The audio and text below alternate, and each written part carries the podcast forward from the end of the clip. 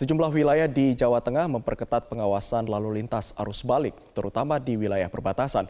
Dan untuk mengetahui kondisi terkini di Jawa Tengah, sudah ada tim NTMC Briptu Hulut langsung dari exit tol Setono Pekalongan.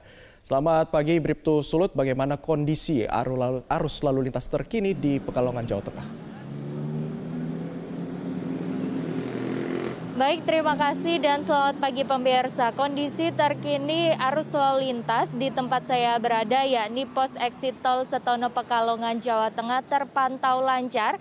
Kendaraan yang akan memasuki kota Pekalongan atau Batang ataupun juga kendaraan yang akan memasuki tol menuju ke arah Jakarta maupun Semarang. Penyekatan setiap hari terus dilakukan di pos exit tol Setono ini meskipun operasi kepolisian sudah berakhir dan sanksi putar balik akan terus diberlakukan sampai dengan tanggal 24 Mei nanti. Terlihat juga petugas gabungan dari kepolisian, Satpol PP, Dinas Perhubungan maupun tenaga medis mengecek kendaraan yang terindikasi akan melakukan mudik ataupun balik yakni khususnya kendaraan yang akan memasuki tol Pantura tersebut. Yang dicek oleh petugas yakni surat kelengkapan perjalanan, kemudian tes hasil rapid antigen yang hanya berlaku satu kali 24 jam bagi kendaraan yang terindikasi melaksanakan mudik. Beberapa bis pariwisata juga terlihat melintas di kawasan ini tidak luput dari pengecekan para petugas. Tidak hanya dokumen perjalanan, eh, petugas juga melaksanakan tes rapid antigen secara acak yang terindikasi hasil reaktif maka akan diputar balikan oleh petugas. Informasi yang kami dapatkan juga untuk mencegah klaster baru dari wisata yang sempat membludak di kawasan Pekalongan ini pasca Lebaran Idul Fitri, maka tempat-tempat wisata di kawasan Pekalongan hingga hari ini masih ditutup. Sehingga kami himbau untuk tetap di rumah saja, tetap jaga protokol kesehatan demi memutus mata rantai penyebaran kasus COVID-19. Untuk kendaraan roda dua, kami himbau juga tetap berhati-hati dan jaga konsentrasi Anda dalam berkendara karena cuaca di kawasan ini cukup terik serta juga banyaknya kendaraan besar seperti truk dan tronton yang melintas di kawasan exit tol Setono ini. Kami himbau untuk tidak panik saat saat dicek oleh petugas, ikuti arahan dan petunjuk petugas kami di lapangan. Untuk mengantisipasi adanya penumpukan atau kemacetan yang terjadi saat pengecekan ini, petugas juga sudah berjaga untuk melancarkan arus lalu lintas. Untuk informasi terkini kami siap melayani Anda di 15669 atau bisa juga melalui SMS Center di 9119. Sekian Bribtu Hulut melaporkan langsung dari Pos Exit Tol Setono Pekalongan, Jawa Tengah. Penyekatan lalu lintas arus balik mudik masih terus dilakukan di beberapa titik, salah satunya di Kerawang, Jawa Barat. Untuk mengetahui kondisi terkini di sana, sudah ada petugas NTMC Bribtu Denada langsung dari jalur tengah Simpang Coming, Kerawang. Bribtu Dedada, bisa Anda jelaskan seperti apa kondisi terkini lalu lintas di Simpang Jomin? Baik, terima kasih Gadi. Selamat pagi pemirsa. Kami laporkan situasi arus lalu lintas secara langsung dari Simpang Jomin, Karawang, Jawa Barat. Di mana arus lalu lintas di Simpang Jomin dari arah Cirebon atau jalur Pantura menuju gerbang tol Cikampek, Cikopo dalam situasi ramai lancar. Kendaraan dari arah Cirebon atau dari jalur Pantura relatif lancar memasuki Simpang Jomin. Dan saat ini belum terlihat peningkatan volume kendaraan dari jalur Pantura menuju gerbang tol Cikampek yang melintasi Simpang Jomin dan arus lalu lintas didominasi kendaraan roda 2 atau sepeda motor yang melintas di Simpang Jomin menuju arah Jakarta dengan melintasi jalur arteri Karawang. Dan arus lalu lintas dari Purwakarta maupun Subang yang akan menuju ke Simpang Jomin melalui pertigaan Mutiara juga masih dalam situasi ramai cenderung tersendat imbas pertemuan arus dari arah Karawang yang akan mengarah ke Purwakarta. Sedangkan arus lalu lintas dari arah sebaliknya yaitu dari arah Simpang Jomin yang akan mengarah ke Purwakarta maupun yang akan menuju ke Subang dalam situasi ramai lancar didominasi kendaraan roda 4. Kemudian lalu lintas dari pertigaan Mutiara menuju ke gerbang tol Cikampek hanya sesekali tersendat imbas banyaknya kendaraan keluar masuk rumah makan dan stasiun pengisian bahan bakar umum atau SPBU. Harap para pengendara tetap berhati-hati dan jaga batas kecepatan kendaraan Anda demi keselamatan bersama.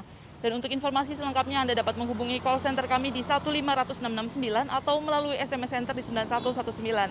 Kami juga selalu mengajak masyarakat untuk menerapkan adaptasi kebiasaan baru di mana pun kita berada dengan selalu menggunakan masker, rajin mencuci tangan, selalu menjaga jarak dan hindari keramaian sehingga kita dapat memutus mata rantai penyebaran virus COVID-19. Petugas gabungan melakukan tes COVID-19 secara acak di jalur selatan Nagrek menuju arah Jakarta di gerbang tol Cilenyi, Kabupaten Bandung, Jawa Barat.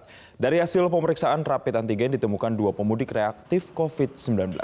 Petugas gabungan terus memperketat penyekatan kendaraan yang akan kembali ke kota asalnya dari jalur selatan Nagrek menuju arah Jakarta. Penyekatan ini dilakukan oleh petugas di kilometer 149B Tol Purbalenyi arah Jakarta. Petugas memeriksa kelengkapan dokumen dan surat bebas COVID-19 para pemudik serta lakukan rapid antigen secara acak. Hasilnya, petugas menemukan dua pemudik asal Sukabumi dan Jakarta yang reaktif COVID-19. Keduanya kemudian diputar balikan petugas untuk kembali ke daerah asalnya dan dihimbau untuk melakukan isolasi. Itu untuk melaksanakan drive-thru rapid antigen gratis kepada masyarakat untuk kita laksanakan uh, pengecekan secara acak mengetahui apabila ada masyarakat yang reaktif, kita terpaksa isolasi dan kita putar balikkan. Namun apabila masyarakat memenuhi persyaratan persyaratan yang telah ditentukan, kita persilahkan untuk melanjutkan perjalanan. ada temuan pemudik yang reaktif ya? Ada, sudah kita dapati dua orang reaktif dan sudah diisolasi, kemudian kita putar balikkan. Usai meninjau pelaksanaan vaksin gotong royong, Presiden Republik Indonesia Joko Widodo hari ini juga dicatwalkan untuk meninjau lokasi proyek pembangunan kereta cepat Jakarta-Bandung yang masih berada di Kelurahan Wangun Harja, Kecamatan Cikarang Utara, Kabupaten Bekasi, Jawa Barat.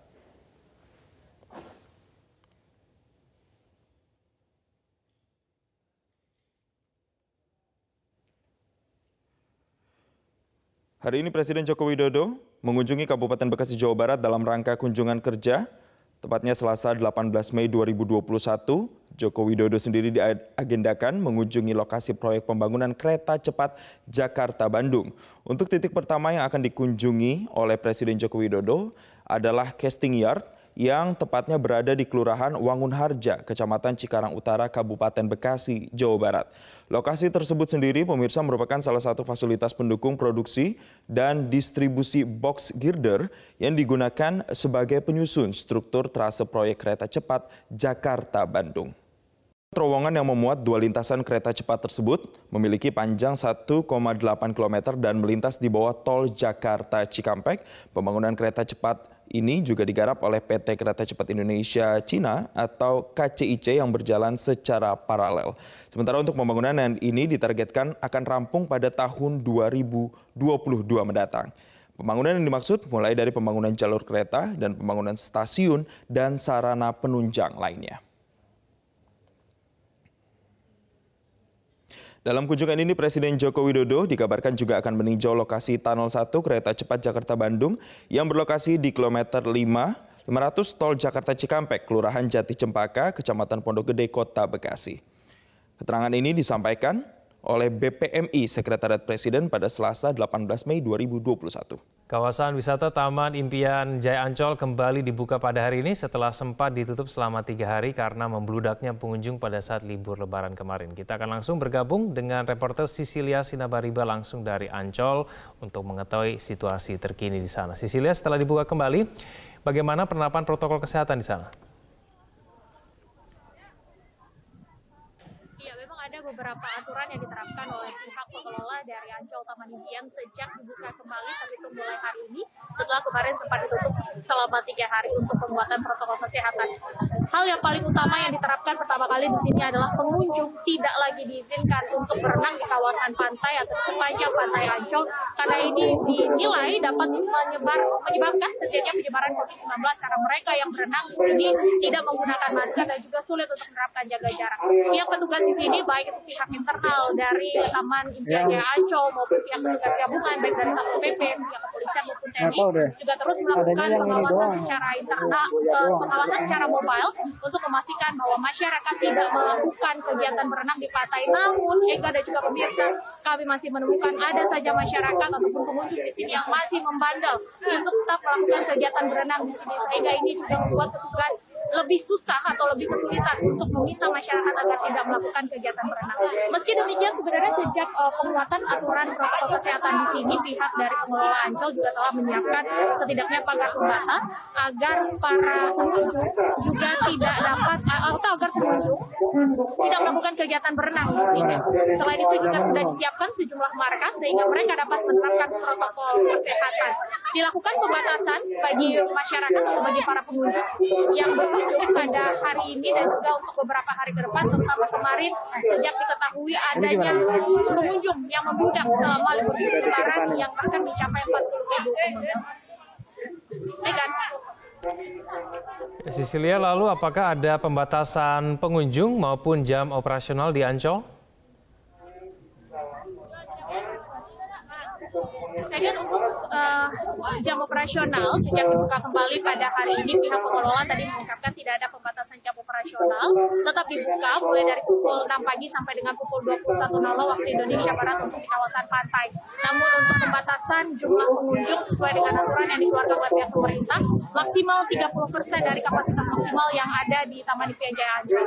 Namun untuk mengantisipasi terjadinya kejadian serupa atau membludaknya pengunjung seperti pada libur lebaran beberapa hari yang lalu pihak pengelola justru semakin membatasi atau semakin mengurangi jumlah pengunjung yang diizinkan untuk melakukan wisata di Taman Impian Ancol. Meskipun diizinkan maksimal 30%, namun untuk di kawasan pantai maksimal hanya 15.000 pengunjung saja yang diizinkan untuk melakukan wisata di tempat ini. Dan tercatat hingga pukul 10 pagi tadi sudah ada 2.600 pengunjung yang melakukan kegiatan wisata di Taman Impian Jaya Ancol. Pengunjung tetap diimbau untuk menerapkan protokol kesehatan secara ketat, baik itu untuk menjaga jarak, menggunakan masker, dan tidak berenang di sepanjang pantai karena ini dinilai dapat mempercepat proses penyebaran COVID-19. Pihak petugas gabungan juga terus melakukan mobilisasi untuk memperingatkan ataupun mengimbau warga agar tetap menerapkan protokol kesehatan.